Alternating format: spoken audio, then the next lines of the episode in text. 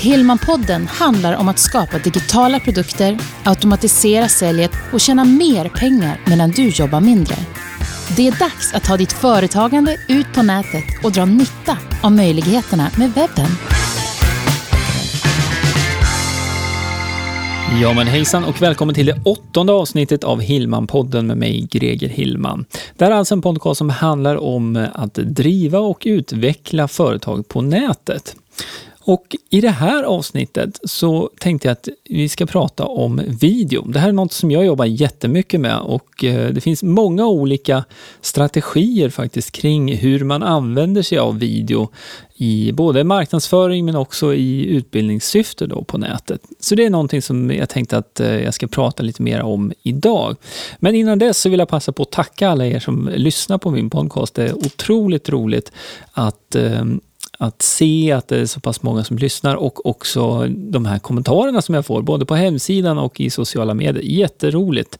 Är det nu så att eh, efter det här avsnittet kanske du har någon fråga eh, kring det jag har pratat om idag eller något av de andra avsnitten som jag har eh, eh redan eh, har producerat så får du jättegärna ställa den frågan till mig direkt via min hemsida. Då går du till gregerhillman.se och så kan du se att det finns eh, en knapp där som gör det möjligt för dig att, eh, att prata in ett ljudmeddelande helt enkelt om du skulle vilja det. Eller så skickar du vanlig e-post. Okej, det här är alltså avsnitt 8, så för sakens skull så ska jag nämna också då att anteckningarna till det här avsnittet kommer du hitta på gregerhillman.se 8. Eh, och med det sagt då så ska vi gå in på det här med video och hur man kan använda det då i sin marknadsföring men också i utbildningssyfte. Det har väl knappast undgått dig att eh, i sociala medier så har video eh, formligen exploderat under den senaste tiden. Jag tänker främst nu på eh, framförallt Facebook där man kan se en tydlig eh, skillnad från bara om vi går några månader tillbaka i tiden. Eh, och eh, jag ska väl säga det, om du lyssnar på det här i framtiden så är det alltså mars 2015 just nu när jag spelar in det här. Några månader tillbaka i tiden så gjorde Facebook en ändring i sin algoritm där man då började lyfta fram videoinslag, alltså och videor på ett helt nytt sätt. Och eh, det har att göra med att man vill eh, engagera användarna ytterligare då så att man är kvar längre på Facebook. Tidigare så eh, har det varit väldigt många som delar Youtube-klipp, alltså man länkar in Youtube-klipp på Facebook. Och eh, det är ju någonting som har också genererat trafik då, men också trafik ut ifrån Facebook. Så det Facebook har gjort nu, det är att eh, istället så vill man ha kvar användarna på sin egen plattform. Och eh, man har bland annat då gjort några förändringar i hur, eh, hur man visar video. Nu är det så att eh, om du har en företagssida på Facebook idag så kan du faktiskt ha också en dedikerad videosida. Och den videosidan ser väldigt snarlik ut eh, det här eh, interfacet, eller vad man ska säga, då, som finns på Youtube. Så du har, kan välja ut en video som är en välkomstvideo och sen kan du ha flera andra videor under då den videon. Det här är något som jag själv använder på, på min eh, företagssida då, eller utbildningssida för, för saxofon, eh, där jag då har en huvudvideo och flera andra videor under. Då. Ehm, så att det, det var syftet egentligen för Facebook då med att man ville ha mera videotrafik också via sin egen sajt. Och som en följd av det, det här kanske du inte heller känner till, men så är det så att de videoklippen som du delar på Facebook, det vill säga de videoklippen som du laddar upp till Facebook, har en större chans att synas då i det här flödet då, än om du har din video på Youtube och sen så länkar du in den till Facebook. För Facebook eh, ser hellre att eh, Eh, man, man visar de videorna då som, som finns uppladdade på Facebook. Så att det kan du ta, ta för vana egentligen att om du producerar en video, om det är en, en eh, sån här inspelning av, av din dataskärm, det som kallas för screencast, eller om det är en, en video där du är med på bild och, och du pratar om någonting, så ska du alltid ta för vana att ladda upp den både på YouTube då och också på Facebook. Så att du delar ut den så att säga i ditt eget flöde då via den här uppladdningen då som du gör till Facebook. För då har du per automatik då eh, lite bättre odds för att den här videon ska synas. Så att eh, det kan vara, kan vara bra att, att känna till det. Eh, när vi då ändå kom in här lite också på YouTube så kan jag ju nämna där då att, eh, för det, det är säkerligen det första du tänker på när man tänker på video på nätet så är det ju YouTube man tänker på, eller hur? För där finns det ju otroligt mycket videor på katter som hoppar och dansar och simmar och allt möjligt. Och också en hel del mer intressanta videor också. Ehm, och YouTube har en en annan fördel också som knyter an till det som jag pratade om i förra avsnittet när det handlar om sökmotoroptimering. För det är nämligen så att YouTube ägs av Google och YouTube som källa då, alltså där man hämtar information, är väldigt, ehm, har högt anseende och, och är betrott då hos, även hos Google.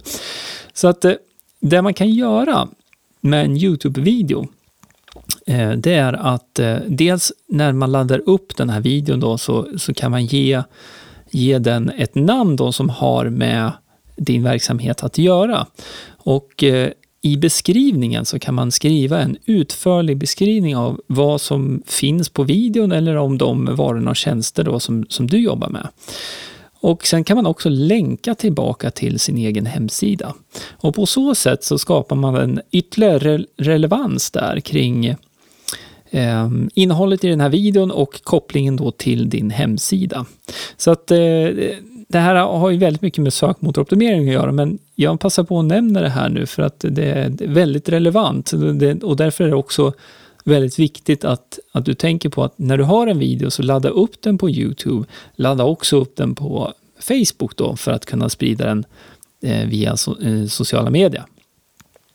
Ehm, så att eh, men om vi tittar lite närmare här nu på, jag tänkte att vi ska eh, titta på de här eh, huvudtjänsterna då när det gäller video. Eftersom att eh, jag jobbar mycket med utbildningsvideor och jag ehm, vill ju då ha de här videorna någonstans då så att de kan levereras på ett, ett bra sätt och ett säkert sätt också. Eftersom att mina videoutbildningar då kostar pengar så vill jag ju också kunna skydda dem då så att dels att de inte kan eh, synas på andra hemsidor som inte jag kontrollerar, men också att man inte kommer åt dem överhuvudtaget om man inte har liksom rättigheterna då till att se videon. Och då finns det egentligen eh, tre plattformar som jag tänkte ta upp här idag då, och Youtube är en av dem. Men eh, jag kommer tillbaka till det lite senare. Vi har Youtube, vi har något som heter Vimeo, or Vimeo, som jag använder mycket på, kopplat till min saxofonsida. Och sen har vi något som heter Vistia, som är eh, också ett väldigt bra alternativ och eh, det är någonting som jag börjat använda mer och mer faktiskt. Och det kommer jag också prata mer om varför här lite senare. Men vi har de här tre plattformarna då egentligen. Och eh, eh alla tre plattformarna hanterar ju video på ett väldigt, väldigt bra sätt såklart. Eh, det, det som händer är att du, du spelar in din videofilm så du har den på din dator då eller i, i din iPhone eller vad, vad du nu spelar in den. Sen den här digitala filen då som du har, den laddar man upp till eh, respektive tjänst då, som man vill använda sig av. Och eh, eh du ska alltid försöka, om du har möjlighet i alla fall, att, att filma i, i HD då, så att du har en högupplöst bild. Och då kan jag ge dig ett litet tips här också nu, eh, för man behöver faktiskt inte ha någon dyr kamera, en sån här DSLR-kamera då. Eh, det fungerar med en vanlig videokamera eller till och med mobiltelefoner, för väldigt många mobiltelefoner idag har bra kameror inbyggda. Bara lite tips där då, om du ska spela in någonting med din mobilkamera. Och det är att du tippar skärmen så att du har den på samma, om du, om du jämför med när du tittar på på, på en YouTube-film till exempel, då, så, så är den ju alltid bredare än vad den är hög. Om du tippar din mobilkamera där på samma sätt, då, då kommer du att, få bilden också på, mera på bredden. Då. Annars så kommer du ha en, en bild som är på höjden och så har du stora svarta fält på båda sidorna om, om, om din video då. Sådär. Det är bara ett litet eh, sån här tips i förbifarten som man kanske inte tänker på när man, när man ska köra igång. Då. Men eh, eh, tänk på det, tippa mobiltelefonen i så fall. Och eh, som sagt, det fungerar jättebra att använda mobiltelefon. Man behöver inte ha, ha någon annan kamera egentligen. De flesta datorer har ju också inbyggda kameror då i, i, i skärmen då, som man kan använda sig av. Då, eller om man har en extern USB Eh, kamera. Och eh, det, det, man kan tänka på där då, för att nämna någonting kring inspelning och sådär, när man själv ska vara i bild. Det är bra att, att eh, prova lite och också eh, titta på då så att, så att eh, belysningen är okej okay över hela ansiktet då, till exempel över hela, ja, det som ska synas i bild helt enkelt. Då. Så att du inte sätter dig och jobbar, lägger ner massa tid och sen så går du tillbaka och så ser du att det såg inte så bra ut. En annan sak att tänka på också, det är ljudet. Så att eh, om du ska spela in inomhus, då kan det fungera bra med bara en en mobiltelefon helt enkelt då och eh, om det är tyst runt omkring. Annars kan du behöva ha en en mikrofon, då, en extern mikrofon som du också spelar in med i, i till exempel din dator. Då, så att du får eh, hög kvalitet på ljudet också. Och det är viktigt eh, att både ljud och bild ser bra ut. Så eh, det blev en väldigt kort och komprimerad eh, här sektion nu kring själva inspelningen. Då. Och det här är någonting som jag skulle kunna dyka djupare i, eventuellt här vid ett senare tillfälle.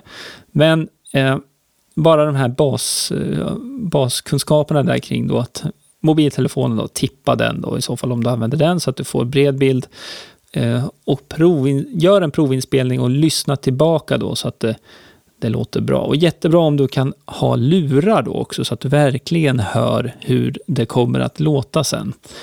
Um, och sen så att du spelar in i HD, det vill säga högupplöst format. Och um, det har ju att göra med bildkvaliteten på din video sen. Nu eh, brukar det faktiskt vara så att om, om du har en, en någorlunda modern kamera att spela in med, då är det HD man, man spelar in i oftast. Då. Så att eh, när du har din fil färdig och så laddar du upp den då till någon av de här tjänsterna. Vistia, Youtube eller Vimeo. Vimeo, Eh, Vimeo säger jag, men jag tror eh, Vimeo säger, säger amerikanerna kring, kring den tjänsten. Oavsett, man laddar upp filen dit och sen när filen väl är uppladdad så tar det en liten stund för respektive tjänst då att jobba sig igenom den här videon. För det som händer då, det är att de kodar om videon till deras respektive format. Som gör då att eh, videon ska kunna ladda snabbare och spela upp snabbare också. För det är också otroligt viktigt. Det knyter tillbaka till egentligen det här jag var inne på i förra avsnittet med sökmotoroptimering och användarvänlighet. Det måste vara enkelt och det måste gå fort också för användarna. Och speciellt idag då när eh, det är så många som använder sina mobiltelefoner då. Ehm, så ska man ju ha sin video då på någon av de här tjänsterna. Om vi bara tar ett litet kliv åt sidan tillfället då och ehm, eh, låt säga nu att du skulle ladda upp din video på din egen, på ditt egna webbhotell då, eller ja, din egna server. Bara, bara, bara så att du förstår förstår vikten av att använda någon av, de här tjänsterna. Om du skulle göra det och sen så länkar du upp din video då som du har på din egen, ditt egna webbhotell Eh, och så har du den videon på din hemsida då, till exempel. Och så har du en person som går in på din hemsida och börjar titta på den här videon. Ja, då kan det fungera faktiskt helt okej. Okay. Problemet blir då när du kanske har tre eller fyra eller fem eller tio eller femtio personer som samtidigt vill titta på din video. Då försöker då ditt webbhotell att mata upp den här videon hela tiden då till alla de här personerna som vill titta på videon. Och det som händer är att eh, hemsidan upplevs som att den kraschar eller att den låser sig. Och eh, som en tråkig bieffekt så kommer Eh, leverantören då av det här webbhotellet höra av sig till dig och säga då att eh, så här får du inte göra därför att det här berör inte bara din hemsida, för på den här servern finns det också 50 eller 100 andra hemsidor som också slutar fungera då eftersom att du har tagit all bandbredd. Så inte populärt och inte speciellt smart heller, för man ska då ladda ner all den här informationen då till sin mobil då eller till sin, eh, till sin dator och det tar ju tid. Så att eh, eh, det tar mycket längre tid, och det heter buffra egentligen, då, när den laddar in och buffrar upp eh, videoinformationen då. Det tar mycket, mycket längre tid då när man ska ladda ner det här till sin enhet då. I jämförelse med att använda sig av Vistia, Youtube eller Vimeo, där då eh, bilden streamas. Och med, med hjälp av streaming, då, då visar man bara Ja, man, spe, man spelar upp, det är, sam, det är liknande som om du känner till Netflix eller någon av de här andra tjänsterna för tv. Det är samma princip, att man streamar under tiden man tittar. Ehm, och eh, stream, eftersom att de då har optimerat eh, den här videon då för, för sin egen verksamhet. Youtube har optimerat din video då på Youtube, så går det väldigt mycket snabbare då att ladda upp den här videon. Ja, eh, mycket information där, men du förstår också säkert då varför det är ganska viktigt då att eh, att eh, du verkligen laddar upp videon då på dels på Youtube för att få lite, lite extra tillbaka då när det gäller sökoptimeringen då. Men också just det här ur användarvänlighetssynvinkel då. Jag var inne på Facebook också och Facebook är ju ytterligare en kanal där du ska ladda upp, tycker jag då i alla fall, Eh, dina videor då som, som du, du har helt enkelt. Och det gäller ju nu sådana videor som informerar och också är i promotion-syfte då för det du gör. Eh, nu behöver man ju inte jobba med en kamera där man själv syns i bild. Eh, jag nämnde det som hastigast bara. Det finns ju möjlighet att spela in skärmen också, där man då, på skärmen kan man ju då ha till exempel då en PowerPoint-presentation om det är eh, någonting man går igenom, en, en ja, nå, någonting som, som man vill lära ut helt enkelt, kan man använda sig av PowerPoint. Man kan också använda sig av ehm, eh, något som heter Camtasia eller Screenflow då, och det här är egentligen program då för att spela in skärmen. Det behöver ju inte vara så här att, att det är en PowerPoint-presentation, utan man kanske vill visa hur man gör någonting. Det kan ju vara hur man använder ett program till exempel på nätet. Jag, jag har ett litet sånt här sidoprojekt där jag eh, lär ut egentligen hur man gör en rad olika saker då eh, med det här programmet som jag använder just nu när jag spelar in, som heter Garageband. Och då har jag spelat in sådana här eh, screencasts, som det heter då. Och en screencast är alltså, eh, ja, man spelar helt enkelt in det som är på skärmen. Och man kan också bestämma vilka delar av skärmen man vill spela in. Ehm, jag har nämnt två programvaror. Det är programvaror som man laddar ner då och, eh, de kostar ju lite pengar då. Screenflow kostar 99 dollar tror jag. Camtasia är lite osäker på vad det kostar, men jag skulle tippa med att det är, eh, jag tippar att det är något liknande där. Screenflow är eh, framförallt då för Mac-datorer och Camtasia är då framförallt för PC-datorer. Sen finns det också, jag ska lägga, jag lägger någon länk här till, till eh, sån här screencast-tjänst eh, som finns på nätet. Och eh, då fungerar det oftast så här då att, eh, att man kan spela in några minuter gratis då, men sen vill man ha längre videor så måste man betala då för att använda den tjänsten också.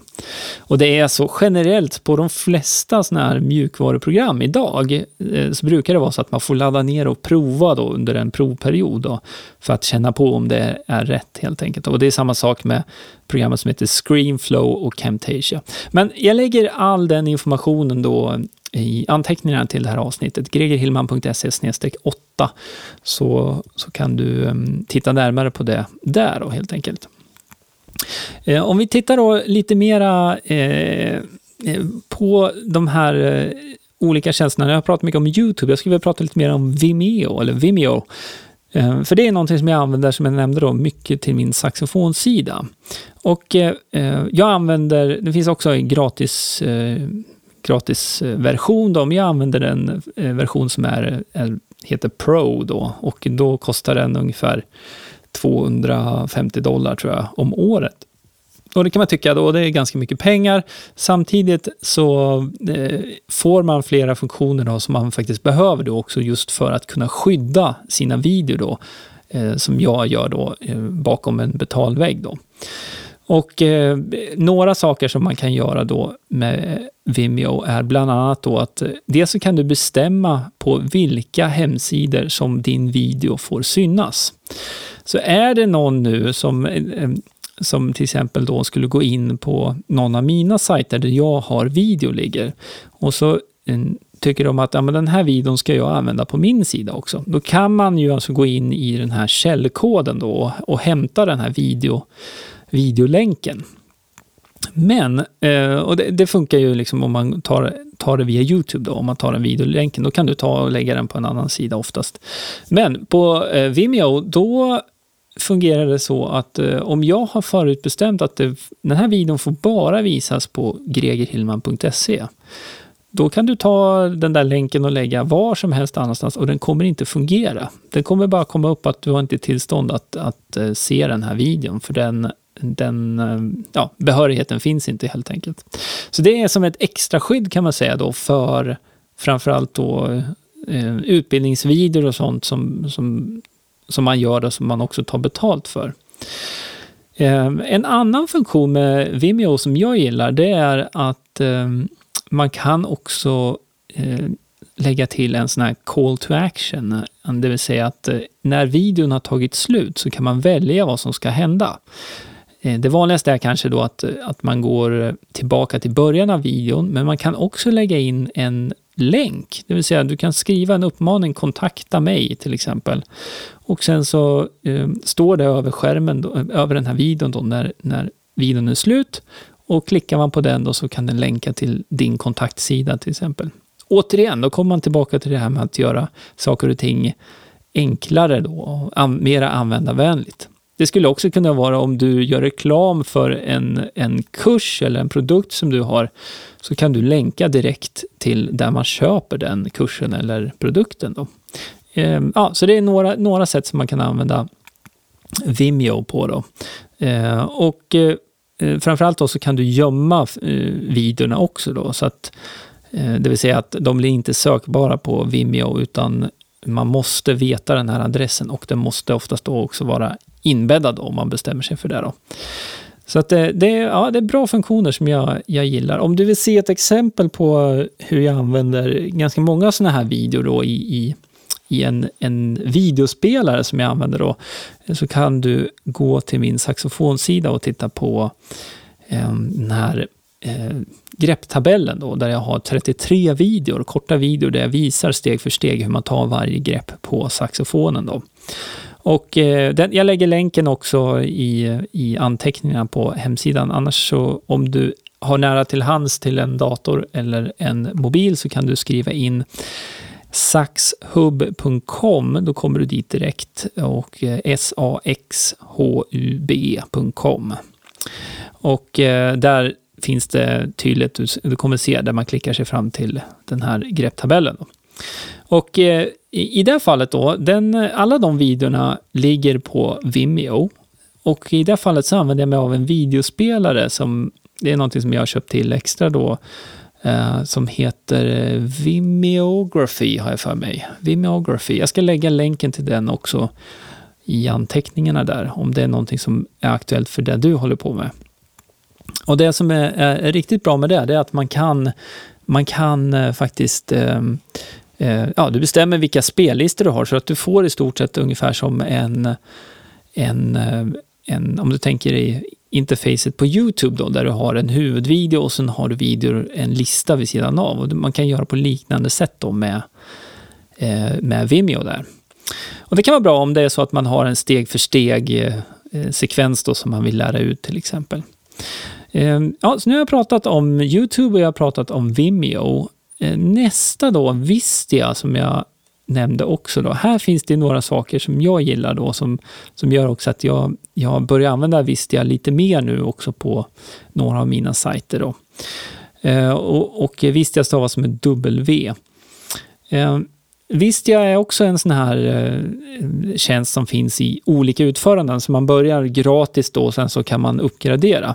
Men det Vistia har gjort också som eh, var riktigt häftigt tyckte jag, det var att eh, att du får faktiskt prova den i 14 dagar då, med alla funktioner aktiverade. Så du får verkligen se hur det fungerar när du har tillgång till alla funktioner. Och eh, eh, det finns en hel del eh, bra funktioner med Vistia också. Då. Det är samma sätt där att eh, de kodar om dina videor då och du kan också jobba mer med sökmotoroptimeringen kring dina videor i Vistia då än, än hos både Youtube och Vimeo. Vistia har något som som de kallar för SEO, video SEO tror jag det står.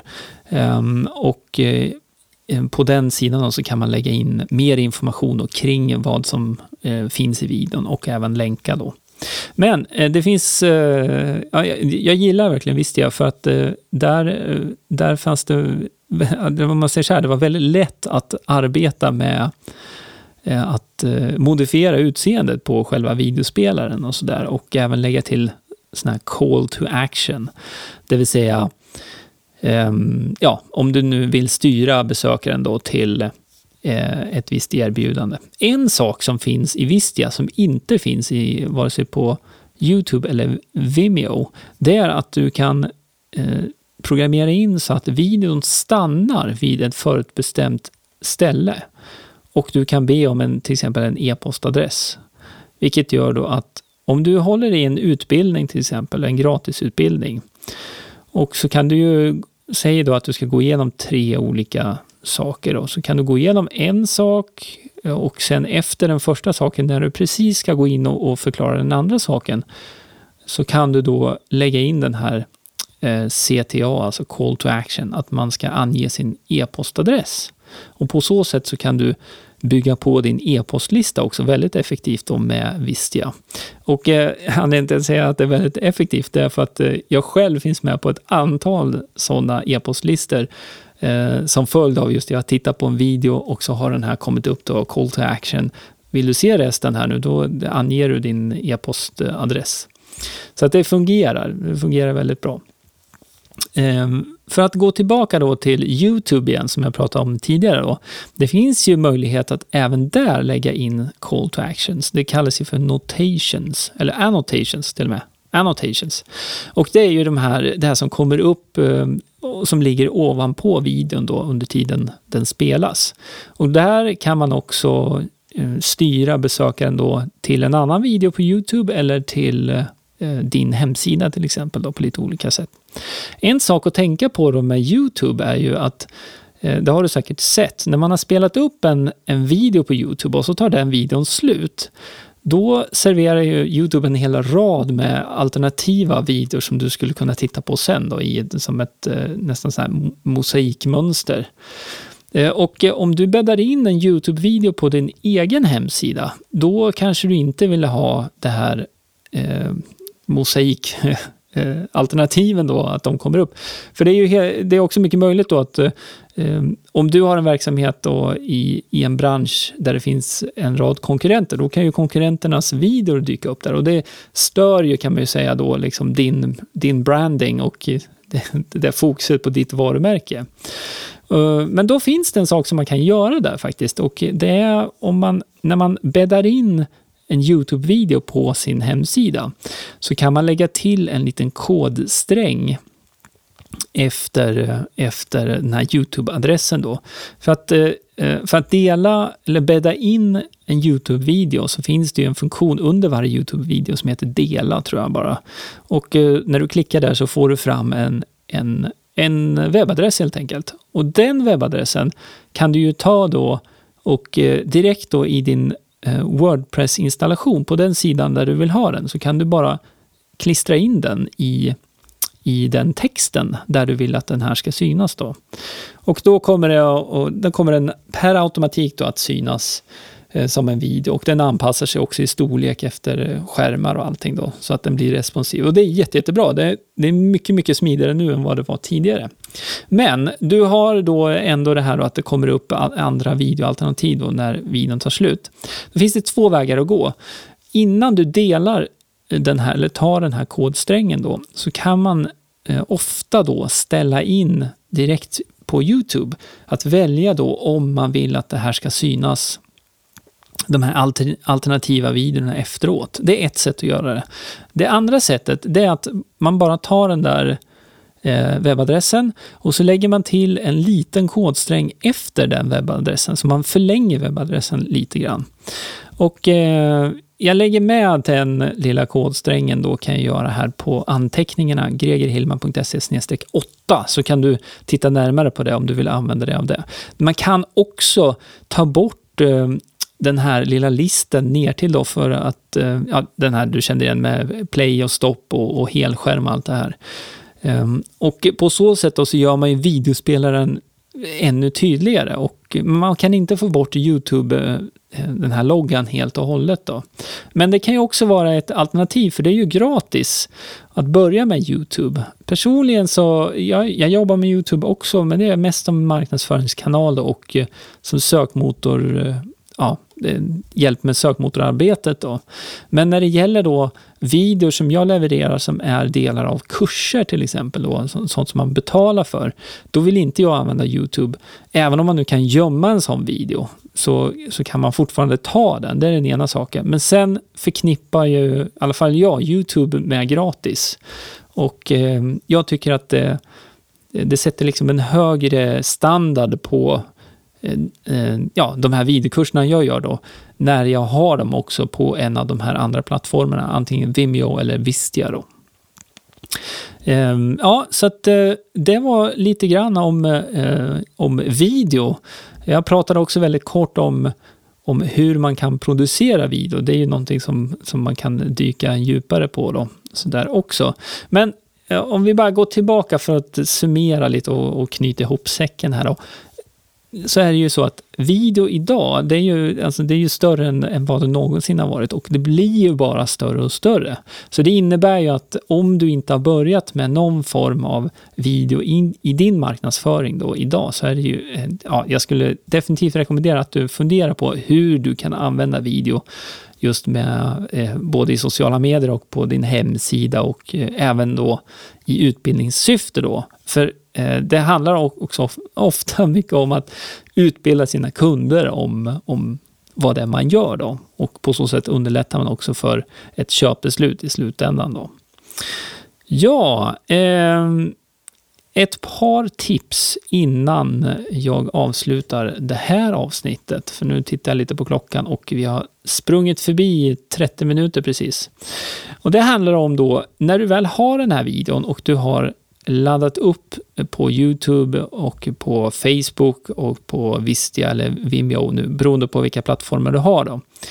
Så eh, det här blir också en del i, i ditt marknadsföringsarbete då av, av din verksamhet på nätet.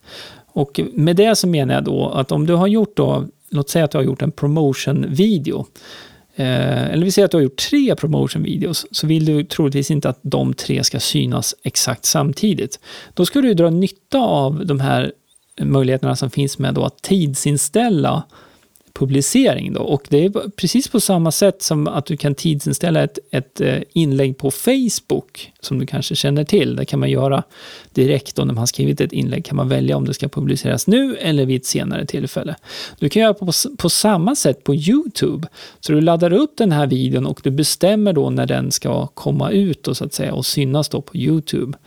Och eh, är det dessutom så att, eh, att du ska bädda in den här på, i en artikel till exempel på din hemsida så kan du göra artikeln klar också och tidsinställa den så att allt det här publiceras enligt ett förutbestämt schema. Om du jobbar så också, då kommer du dessutom att eh, kunna få en, en mer jämn ström då i publicering. Då. Och eh, eh, ska jag väl säga att eh, kring mitt egna stora projekt med saxofonsidan då så har jag ett ganska väl uppbyggt sånt här system då som gör att eh, alla mina medlemmar får eh, kontakt med mig varje vecka då via via eh, framförallt då en autoresponder, men den är också kopplad då till såna här publiceringar av nya lektioner då.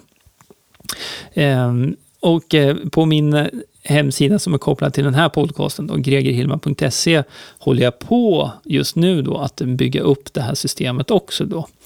Eh, för det handlar om att eh, du ska kunna leverera eh, bra information och relevant information för, för din målgrupp helt enkelt. Då. Och video är någonting som du ska satsa på då helt klart eftersom att, som jag nämnde inledningsvis, så har du fördelar på Facebook, framförallt nu då med en ökad synlighet då i, i nyhetsflöden då. Men också ja, så har du möjligheter att samla in e-postadresser då, eh, till exempel då om du använder Vistia och du kan styra trafiken då från Youtube och även från Vimeo över till dina erbjudanden eller till din hemsida. Så det är, det är kraftfulla saker och det fina med det här är ju också då som knyter an till hela temat egentligen kring, kring det jag gör med Hillman-podden också. Det är att man skapar, skapar det här innehållet vid ett tillfälle och du publicerar det och det får sedan jobba för dig hela tiden. Så att det här blir eh, ytterligare ett sätt att eh, placera, placera videor som också jobbar för dig när du själv inte eh, ja, du gör någonting annat helt enkelt. Och på så sätt så kan du hjälpa till då att bygga på din verksamhet på nätet. Ja, mycket information som vanligt eh, ska jag väl säga. Ehm, det här är också någonting som jag tycker är väldigt roligt och det är en utveckling som går väldigt snabbt också. Men man kan komma långt med grunderna. Så att om jag ska ge dig ett tips här nu för att komma igång då med video, så skulle jag göra så här. Ehm, jag skulle säga då, gör en kort video om en, en tjänst som du har till exempel. Och tänk nu inte allt för mycket på att det ska vara eh, så professionellt, utan Eh, du kan ta din mobiltelefon, du kan be någon hålla i mobiltelefonen när du berättar om, om eh, vad du gör i ditt företag väldigt kort. Det räcker jättebra så. Sen så delar du den på företagssidan på Facebook och eh, du delar den också, du laddar alltså upp den också till Youtube. Och videon som du har på Youtube, den ska du länka tillbaka till Eh, din Eh, företagssida. Så det vill säga om, jag har ju mitt favoritexempel med kallescoaching.se. Ehm, om, eh, om du är Kalle, då laddar du upp din coachingvideo på Youtube och du skriver en beskrivning av vad videon innehåller och sen så länkar du tillbaka till www.kallescoaching.se. Ja, så det var ett par konkreta tips där också så att du kan komma igång med det här. Har du nu några funderingar kring det jag har pratat om så eh, gå gärna över till gregerhillman.se 8. Lämna en kommentar där i, i kommentarfältet längst ner. Och du får också jättegärna gå in på Stitcher eller på iTunes och eh, eh lämna en, ett en sån här omdöme där om den här podcasten. Om du gillar det jag gör så får du skriva det. Om du inte gillar vad jag gör, då får du skriva det också. Eh, men det är alltid roligt att få liksom feedback där. Och eh, såklart eh, får jag bra omdömen på iTunes och Stitcher så kommer min podcast också att synas bättre och det vill jag ju självklart gärna att den gör. Så jag tackar eh, för den här gången och tack för att du lyssnar och vi hörs och ses i nästa avsnitt av Hillman-podden. Ha det bra, hej då! Du har lyssnat på Hillman-podden med Greger Hillman. Vill du veta mer om hur du bygger ditt företagande på webben? Gå in på hemsidan gregerhillman.se